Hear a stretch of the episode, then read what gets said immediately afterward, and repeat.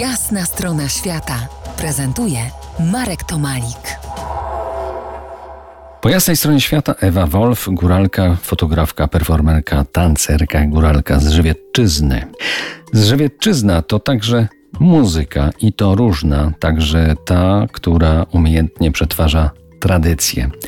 Wróćmy do Waszych z muzykami Psio Krew, wizyt u żywieckich górali w ramach realizacji projektu Gajdosze, któremu towarzyszyła także Twoja fotografia. Pana Józef, Józefa Sikory, to co było dla nas niesamowite, to znaczy co dla mnie było niesamowite, to to, że Wchodząc do jego przestrzeni, do starej góralskiej chaty, do której trudno było zimą podjechać, wchodziło się do domu księgi, bo wszędzie na ścianach oraz za, za szybami, nawet z zewnątrz można to było zobaczyć, wszędzie poupychane były stare fotografie.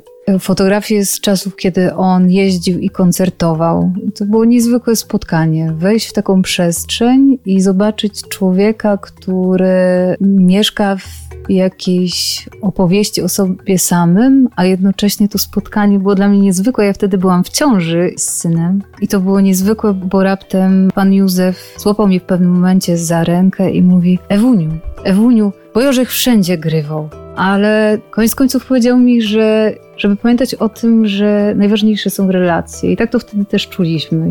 Czasem mam wrażenie, że pewne projekty są po to, żebyśmy mogli się spotykać, żebyśmy mogli jeszcze spotkać tego człowieka, żeby on nam mógł opowiedzieć swoją historię, mógł opowiedzieć jakąś swoją prawdę, opowiedzieć o swoich tęsknotach i swoich namiętnościach. No i, i to zawsze porusza. Tak swoją drogą przypomniała mi się jeszcze historia, y, właśnie w ramach projektu Gajdosze y, trafiliśmy do Józefa Brody i on tego dnia przyszedł z pogrzebu y, bliskiej mu osoby, bliskiego górala, który razem z żoną byli tak zżyci, że umarli jedno po drugim.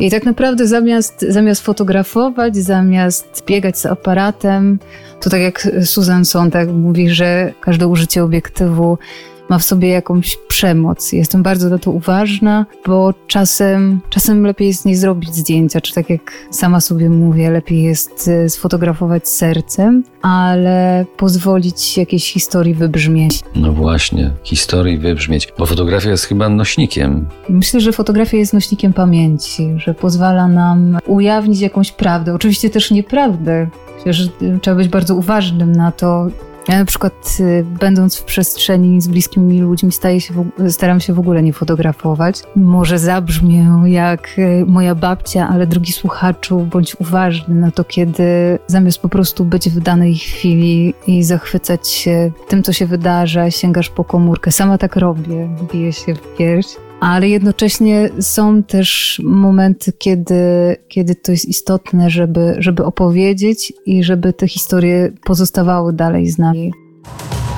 To jest jasna strona świata w RMS Classic.